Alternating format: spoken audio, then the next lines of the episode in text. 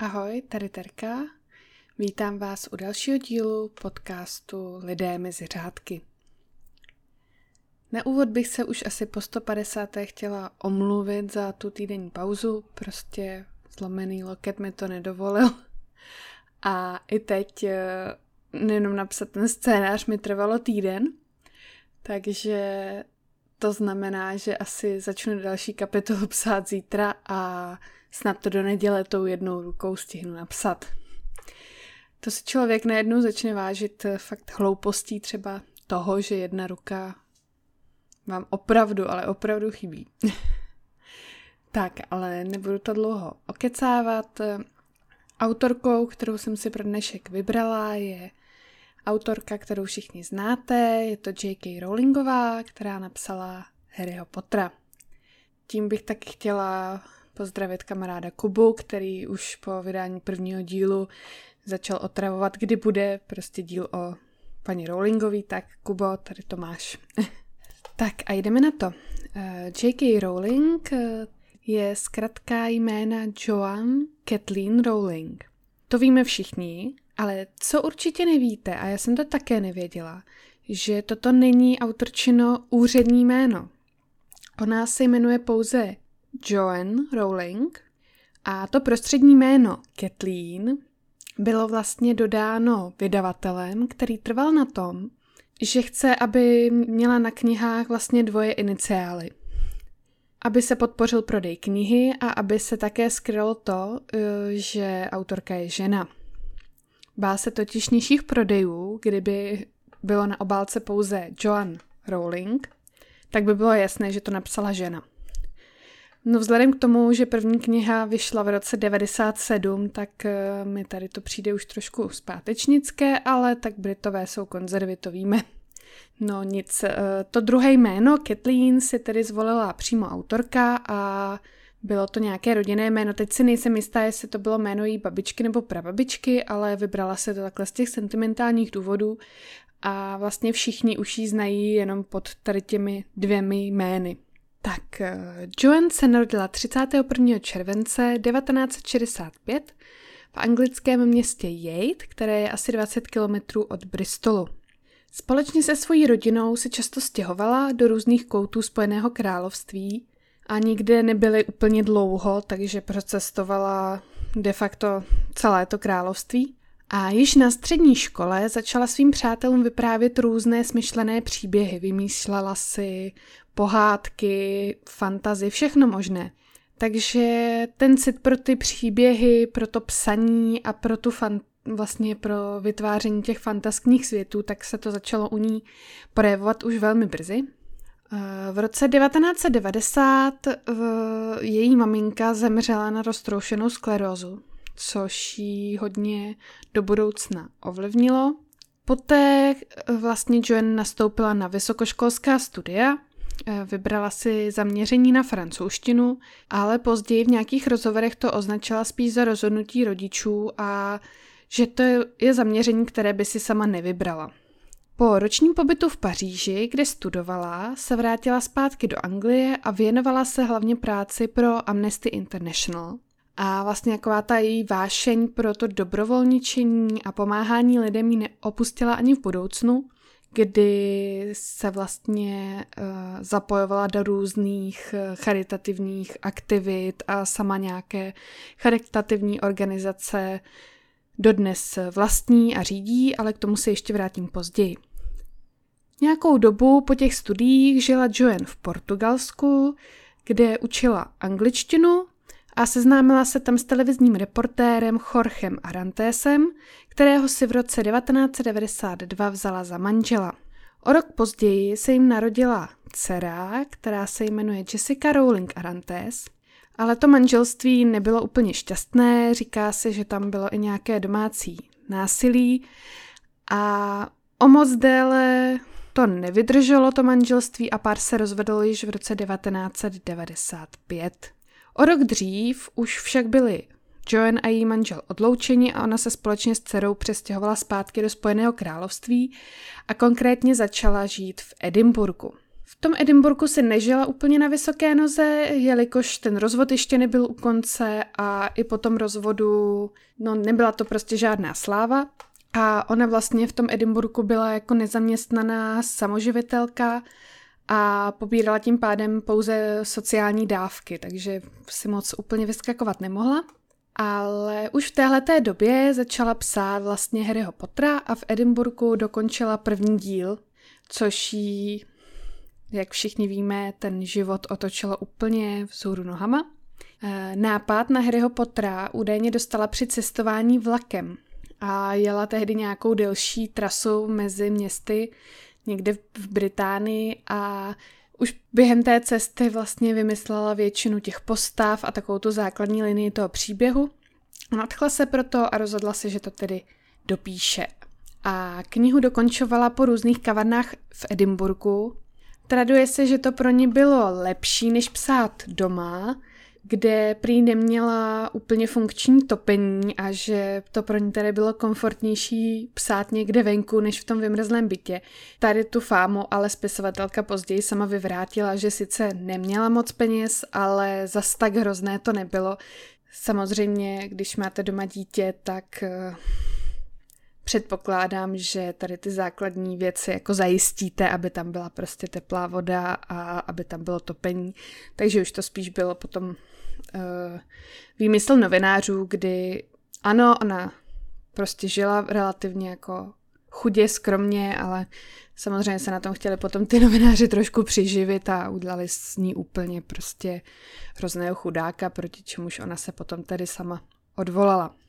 Ale zpátky k tomu Edinburgu. Ten život její v tom Edinburgu byl tedy velmi pestrý, co se týče uh, návštěv různých míst v tom Edinburgu, protože, jak jsem říkala, tedy uh, hlavně pracovala venku a hodně inspirace do těch jejich knih uh, právě našla v tom okolí toho Edinburgu nebo přímo v jeho ulicích. Je tam hodně míst v Edinburgu, kde ta autorka psala nebo kterými se inspirovala a vy je můžete navštívit. Eh, můj manžel, když se dávno pracoval eh, ve Skotsku, tak v Edinburgu byl a některá ta místa navštívil a říkal, že to vážně stojí za to. A já už se hrozně těším, až se tam někdy podívám. Měli jsme to v plánu teda na svatební cestu, což úplně jako nevyšlo kvůli covidu, ale tak až bude prcek větší a bude z toho mít trošku rozum, tak se tam určitě půjdeme podívat. Já jsem se tedy pro vás připravila pár těch eh, míst, která v tom Edinburgu můžete navštívit a která mi přišla taková nejzajímavější a mají právě spojitost s tím psaním toho Harryho Pottera a s životem J.K. Rowling. Tak, eh, první místo je například kavárna, která se jmenuje The Elephant House a zde Joanne psala první dva díly Harryho Pottera. Z té kavárny je krásný výhled na Edinburský hrad a samozřejmě ta kavárna se na tom chce trošku přiživit, na tom úspěchu toho Harryho Pottera. Takže už za výlohou visí nápis uh, The Elephant House, rodiště Harryho Pottera. Což my už víme, že to nebylo úplně rodiště, protože na nápad na Harryho Pottera přišel v tom vlaku, takže kdyby to měli v tom vlaku, ve kterém tehdy jela, tak to by bylo přesnější.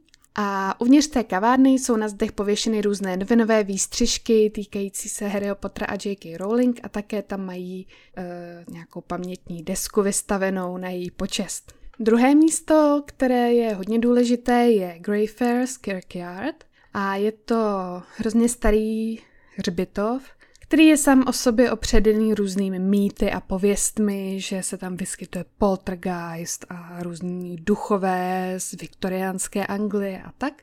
E, podle fotek je to opravdu krásný starý hřbitov a na náhrobcích lze nalézt jména, kterými se J.K. Rowlingová nechala inspirovat, když vymýšlela různé postavy do Harryho Pottera.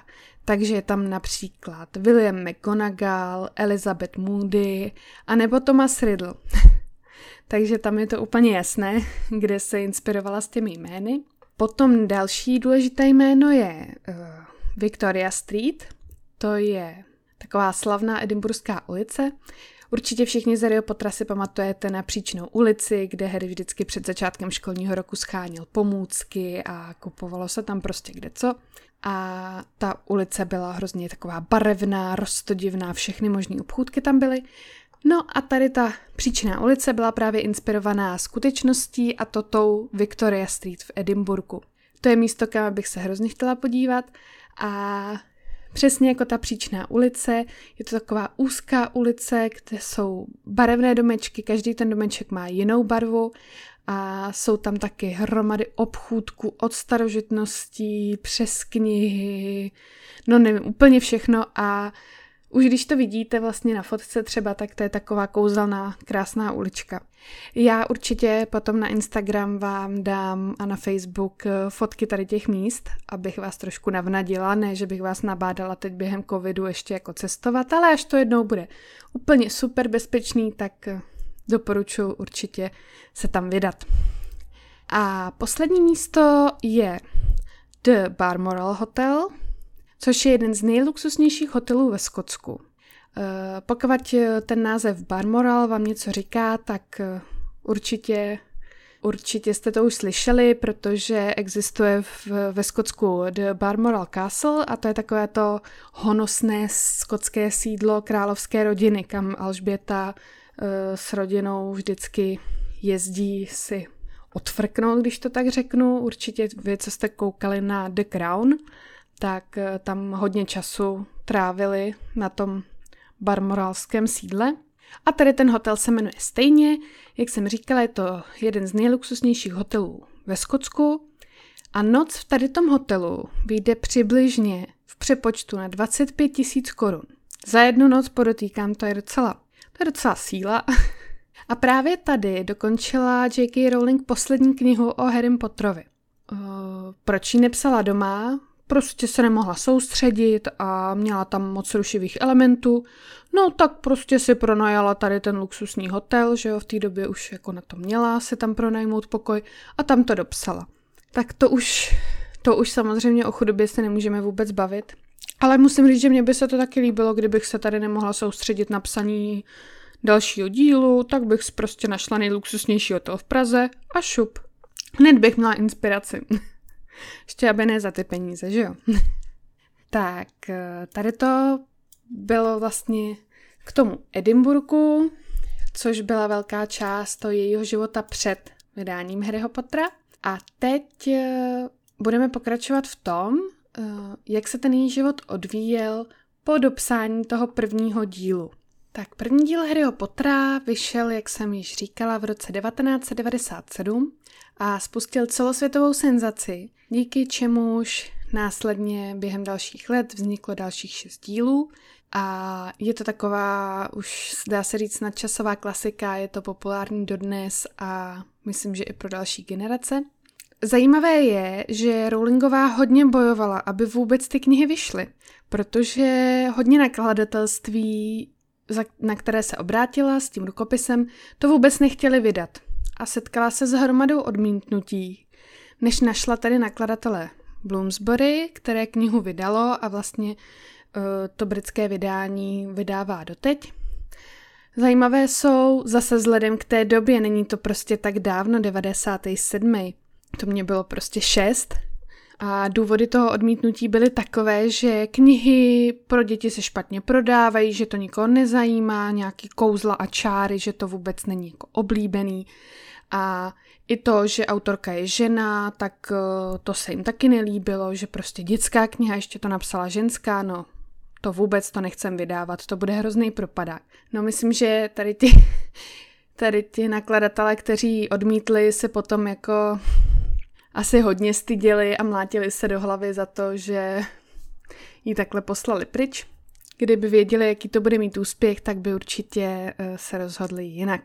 Jinak eh, ještě bych chtěla zmínit, eh, co říká moje maminka hrozně ráda a je to pravda určitě nejenom pro moji maminku, ale pro více matek, že vlastně paní Rowlingový hrozně děkuje za to, že to napsala, protože díky ní já jsem začala číst ne, že bych do té doby vůbec nečetla, ale když to u nás vyšlo, tak eh, máma mi samozřejmě četla ten první díl, já jsem se opak četla sama, no a to bylo to, co mě přitáhlo nejvíc k těm knihám a začala jsem prostě číst jak šílená. Takže, jak říká moje maminka, tak uh, paní Rowlingová by měla být prostě blahořečená, že miliony dětí po celém světě naučila číst a přitáhla je vlastně ke knihám, s čímž já souhlasím, takže až bude Matez ve věku, aby začal číst a nebude chtít, tak před něj hodíme Harryho Pottera a uvidíme, co se stane. Po obrovském úspěchu knih se z ženy, která vlastně byla úplně na pokraji chudoby, stala multimilionářka a v roce 2001 se ve Skotsku vdala za doktora Neila Marie. S ním má dvě děti, syna Davida Gordon Rowling Maryho a dceru Mackenzie Jean Rowling Mary. Co se týče toho syna Davida, tak já si to moc dobře pamatuju uh, z médií, když vlastně uh, ho Rowlingová čekala, tak se to strašně propíralo v tisku. Ona totiž uh, z pochopitelných důvodů, aby do toho nikdo nekecal, což chápu, nechtěla až do jeho narození prozradit, jak se bude ten chlapeček jmenovat. A tisk i fanoušci pořád stíhali a nutili jí to prozradit a všichni doufali, že to bude jméno Harry, že jo, že jak jinak by se prostě její syn mohl jmenovat a pak přišlo to v uvozovkách hrozné zklamání, že to nebude Harry, ale bude to prostě David. A vím, že jsem si tehdy říkala, že je mi vlastně hrozně líto, jo, protože sakra, co je komu do toho, jak ho pojmenuje svoje dítě. Je to její dítě, její soukromí a ať se ho pojmenuje samozřejmě jak chce. A to, že prostě se postava v jejich knihách jmenuje nějak, tak to neznamená, že se tak musí jmenovat její dítě pro boha, jako, tak to jsem si tehdy a možná ještě teď si kvůli tomu klepu na čelo. Eh, v roce 2001, vlastně v tom samém roce, co se vdala, tak také získala od britské královny Alžběty řád britského impéria za přínos dětské literatuře. Ale navzdory úspěchu těch knih se Rowlingové nevyhnuly ani problémy a soudní spory. Tak to bývá samozřejmě, lidé jako vám úspěch vždycky závidí a najde se někdo, kdo se na tom bude snažit uh, neprávem nějaké peníze vyryžovat. Takže tam nějaké soudní spory byly, například soudní spor s paní Nancy Stoufrovou, která Rowlingovou obvinila z plagiátorství. Ta Stoufrová tvrdila, že již v 80. letech, dávno předtím, než prostě Rowlingová vůbec přemýšlela o Harry Potterovi, napsala sérii knih, která je úplně stejná, jenom ten eh, hrdina se jmenuje Larry Potter a že to Rowlingová celé prostě okopírovala. De facto to byly stejné knihy, jen Stoufrová v té své verzi měla některé výrazy lehce poupravené, jo. Ale jinak to bylo úplně totožné. Ten soud se nějakou dobu táhnul, byli tam samozřejmě nějací znalci, eh, co se týče autorských práv a tak dále. A soud nakonec rozhodl ve prospěch Rowlingové s tím, že ta Stoufrová vypovídala lživě a se sfalšovanými dokumenty a nakonec musela dokonce uhradit většinu soudních výloh a navíc dostala pokutu 50 tisíc amerických dolarů právě za porušení těch autorských práv. Tak si jak říkám, jestli se to paní Stoufrové úplně jako vyplatilo, možná bych se na to asi vyprdla, nevím, co jako čekala, že se stane. A byly tam potom nějaké ještě další spory, například s tiskem, kdy se stalo uh, vlastně u šestého dílu Prince dvojí krve, ještě než vyšel oficiálně, tak uh, v nějakých periodikách vyšly vlastně uh, úryvky z té knihy ještě před oficiálním vydáním, což samozřejmě jako je průšvih, no to, ten autor samozřejmě nechce, aby se toto dělo, takže tam byly zase nějaké další, další soudní spory a vlastně vždycky eh, byla autorka v právu, dá se říct. Tak, o Harry Potterovi jako takovém asi úplně toho tolik říkat nemusím, to všichni to známe na spaměť, ale málo kdo ví, jakou tvorbou se zabývala nebo zabývá doteď Rowlingová, eh, kromě Harryho Pottera. Vlastně k té sérii o Harry Potterovi ona potom vydala další tři doplňkové knihy, z toho dvě, které jsou, eh, dá se říct, učebnice, ze kterých se Harry učil ve škole, takže to je Fanfrpál v průběhu věku a Fantastická zvířata a kde je najít. A potom ještě později dovydala bajky Barda Beadleyho a část výtěžku z prodeje všech těchto tří knih věnovala Rowlingová na charitu a to zejména organizaci Comic Relief, která napomáhá proti chudobě. Je to ta organizace, která každoročně pořádá Red Nose Day, což myslím, že všichni znáte z médií, hodně celebrit vlastně tady té akce se zúčastní, eh, nosí takové ty klaunské červené nosy, tak eh, tam vlastně šel výtěžek tady z prodeje těchto knížek. Později se také Rowlingová začala věnovat psaní úplně jiného žánru, a to detektivek, protože chtěla zkusit něco úplně jiného než je Harry Potter. A jsou to tedy detektivky o soukromém detektivovi Cormoranu Strikeovi.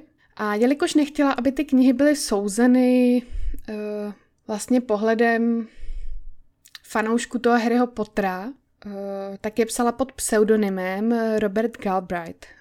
Já to jakoby chápu, protože když napíšete něco takového jako Harry Potter, tak je pak asi těžké se z toho nějak jakoby vymanit, aby aby to všichni neporovnávali a neříkali si Ježíš Mariano, tak ona tam tady napíše dětskou knížku nebo prostě fantazy a pak se nám tady cpe do detektivek. Takže já jakoby chápu, ona chtěla upřímnou kritiku na ty své detektivky, aby to nebylo závislé na tom Harry Potterovi. Eh, první díl tady těch detektivek vyšel pod názvem Volání kukačky a byl velmi úspěšný. A samozřejmě tím, jak to bylo hodně úspěšné, tak později se to provalilo a i ona vlastně uznala, že teda je skutečnou autorkou těch knih. Ale ty knihy stále vycházejí pod tím pseudonymem. V současné době má ta série už asi šest dílů a tady k té knize mám pro vás tip. Eh, kdo má rád audioknihy, tak když půjdete na portál audioteka.cz, tak teď tam mají hodně knížek vlastně za pár korun, dá se říct, ve slevách. Včetně tady toho prvního dílu té série, to volání kukačky. Já to teď jsem poslouchám a fakt se mi to líbí, je to zajímavé. A také tam je za pár korun eh, k poslechu komplet letopisů Narnie. Takže jak minule jsme mluvili o C.S. Lewisovi, tak kdyby někdo chtěl, tak na audioteka.cz si můžete právě, za, říkám, za pár šupů koupit celou tu, tu sérii těch letopisů a osvěžit si to nebo si to poprvé konečně poslechnout. Poslední knihou prozatím, kterou Rowlingová vydala, je pohádkový příběh, který se jmenuje Ikabok. Je to vlastně první dětská kniha, kterou napsala od konce Harryho Pottera. Jo. E, ten příběh vznikl už dávno, před deseti lety a Rowlingová ho tehdy vymyslela a vyprávěla svým malým dětem, ale později, teď během koronavirové krize, se rozhodla ten příběh zveřejnit. E, brala to jako dárek pro všechny ty děti, které musí být zavřené doma a nikam nemůžou, tak aby měly nějaké zpestření. Ta knížka nejdřív vycházela zadarmo po kapitolách na internetu na jejich stránkách a byla potom vyhlášena i soutěž v jednotlivých zemích pro ty děti, které to četly nebo kterým to četli rodiče. A v ní mohly děti na základě těch přečtených kapitol malovat obrázky, které se týkají toho děje z té knihy. Ty obrázky potom byly vyhodnoceny v každé té zemi odbornou porotou a když se rozhodla právě JK tu knihu vydat eh, v tištěné verzi, tak tady ty vítězné obrázky byly použity vlastně v té knize. Takže podle toho, v jaké zemi si tu knihu koupíte, tak jsou tam ilustrace od dětí eh, z té dané země. No, takže v tom našem českém vydání jsou prostě obrázky od českých dětí, které poslali do té soutěže ty své výtvory, což mě se hrozně líbí a je to hrozně roztomilý. Já jsem tu knížku nedávno četla a je to fakt moc hezký, když tam pak vidíte uh, tu dětskou fantazii v praxi, jak ty děti to vlastně nakreslily, třeba různé ty postavy nebo ty situace, je to moc hezký. Že doporučuji si to přečíst, i ten příběh je, příběh je moc pěkný. Výtěžek z prodeje tady té knihy byl věnován na různé projekty a charitu, která celosvětově pomáhá lidem v koronavirem eh, nejvíc zasažených zemích. Takže i když si ji koupíte, tak tím vlastně přispějete na nějakou dobrou věc, což myslím, že v téhle době je prostě potřeba nemyslet jenom na sebe. Tak to by k tomu dílu J.K. Rowling bylo asi všechno. A na závěr bych se chtěla věnovat eh, takovému kontroverznějšímu tématu a to jsou různé výroky, které J.K. Rowling vypustila do světa v posledních letech a díky kterým často sklidila i vlnu kritiky, takže názor si na to udělejte sami, já tam svoje názory úplně nechci vlastně do toho dávat, takže to berte jenom jako souhrn faktů, která jsem někde uh, pozbírala, jak na našich, tak i zahraničních serverech, ale myslím si, že to je celkem zajímavé. První kauza, která se začala řešit uh, ohledně J.K. Rowling, to bylo již v roce 2004, kdy se Rowlingová dočetla o praktikách léčby pro duševně postižené v léčebnách u nás v České republice. Jednalo se o takzvaná klecová lůžka. Eh, já jsem si to úplně nejdřív neuměla představit, takže jsem si to našla a de facto to byla lůžka, která se používala v těch eh, léčebnách u hodně postižených eh, jak dospělých, tak dětí, nebo u těch pacientů s hodně vysokou mentální retardací. Bylo to z důvodu, aby si vlastně neublížili, aby neublížili sobě a neublížili těm ostatním pacientům. Byla to de facto postel, kolem které byla, hm, když si představíte dětskou ohrádku u prostě dětské postýlky, ale byla úplně všude. Ze předu, ze zadu, ze stran, ze zhora, takže to trošku vypadalo jako klec. A tady na to vlastně narazila uh, eh, J.K. Rowling a teď ji budu citovat, co vlastně k tomu řekla. Uh, Vytrhla jsem tehdy stránku s tou reportáží z novin a byla to ta nejstrašnější věc, kterou jsem kdy četla a viděla. Hned další den jsem reportáž 50krát ofotila a začala psát dopisy na různá místa. Eh, na té fotce totiž v těch novinách byl i obrázek vlastně chlapečka z jednoho toho nechci říct ústavu, no, z té, z té léčebny, někde kousek za Prahou, kde byl ten chlapeček, eh, ten byl velmi jakoby postižený, tak eh, byl tady v té postýlce. Jeden z dopisů, které J.K. začala psát, se vlastně dostal až k tehdejšímu prezidentovi Václavu Klausovi, ale bylo to smeteno ze stolu s tím, že si to jako vyřešíme sami i bez eh, zásahu tady jakoby britské autorky.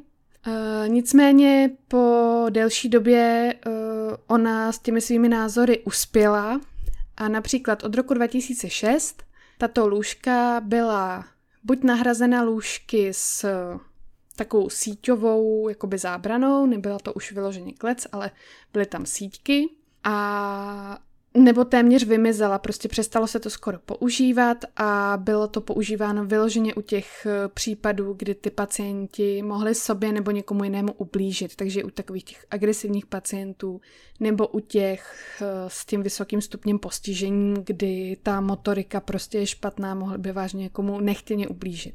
A v současné době už, eh, jak jsem četla, se nepoužívají téměř vůbec tady ty tady ta lůžka a um, buď se to řeší nějakou jinou medikací, nebo zkrátka uh, našli si ty lékaři a ty opatrovníci trošku jiné metody, jak tady ty situace řešit.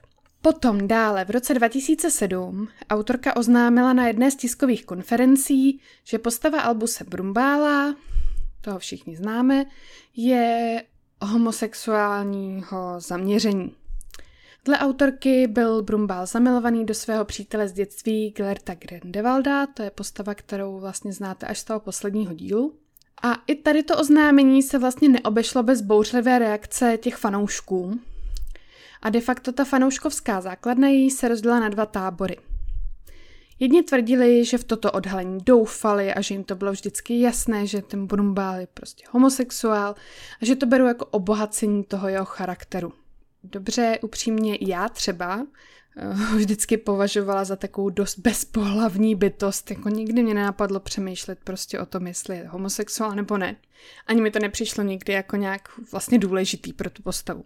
Druhý tábor těch fanoušků s odhalením ale nesouhlasil a tvrdil, že autorka tuto informaci vypustila jen kvůli tomu, aby podpořila fanouškovské teorie, aby prostě rozvířila ty vody trošku a hlavně proto, že rovnost těch pohlaví a sexuálních orientací už v té době začala být eh, velké téma, hodně se o tom diskutovalo, tak eh, že prostě se na tom chtěla třeba trošku přiživit. Těžko říct, názor si udlejte sami.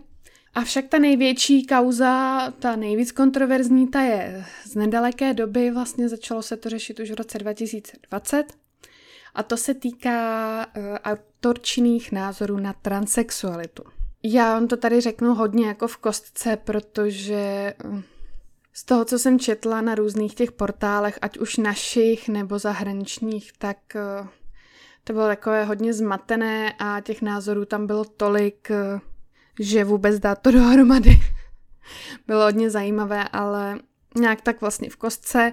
Dle slov té autorky, ona se bojí vlastně té rozšiřující se komunity transexuálů a také toho, že v současné době se víc než naše fyzické pohlaví, takže to je systém muž nebo žena, řeší to psychické, tedy ty genderové roli, role, které si sami přisuzujeme, takže ty muži, kteří se cítí jako ženy a naopak. A ona vlastně odsuzuje tu transexualitu z toho důvodu, že podle ní to může ohrožovat výchovu dětí a dává to taky možnost různým pedofilům a dalším prostě uchylům dostat se do bezprostřední blízkosti dětí s tím, že se to maskuje tím, že to je vlastně v téhle době normální.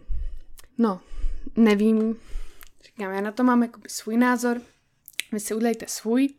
To téma je hodně kontroverzní, hodně se to teď řeší a mně spíš přišlo takové sporné, že ona vlastně řekla tady to, že jí, co jí teda na těch transexuálech vadí, ale nedlouho na to zase řekla úplně opačný názor a to teď cituji, kdy ona řekla Stojím po boku statečných žen a mužů, homosexuálů, heterosexuálů a transexuálů, kteří se staví za svobodu projevu a myšlení, za práva a bezpečnost některých nejzranitelnějších v naší společnosti – mladých homosexuálních dětí, citlivých dospívajících a tak dále. No tak nevím, přijde mi, že v tom má holka trošku bordel a neví už prostě kam se přiklonit, no. Že mi to přijde, že to trošku zase popírá to, co řekla předtím, ale jak říkám, je to takové zamotané, je to složitější téma, asi by se na to téma dalo diskutovat eh, delší dobu. No.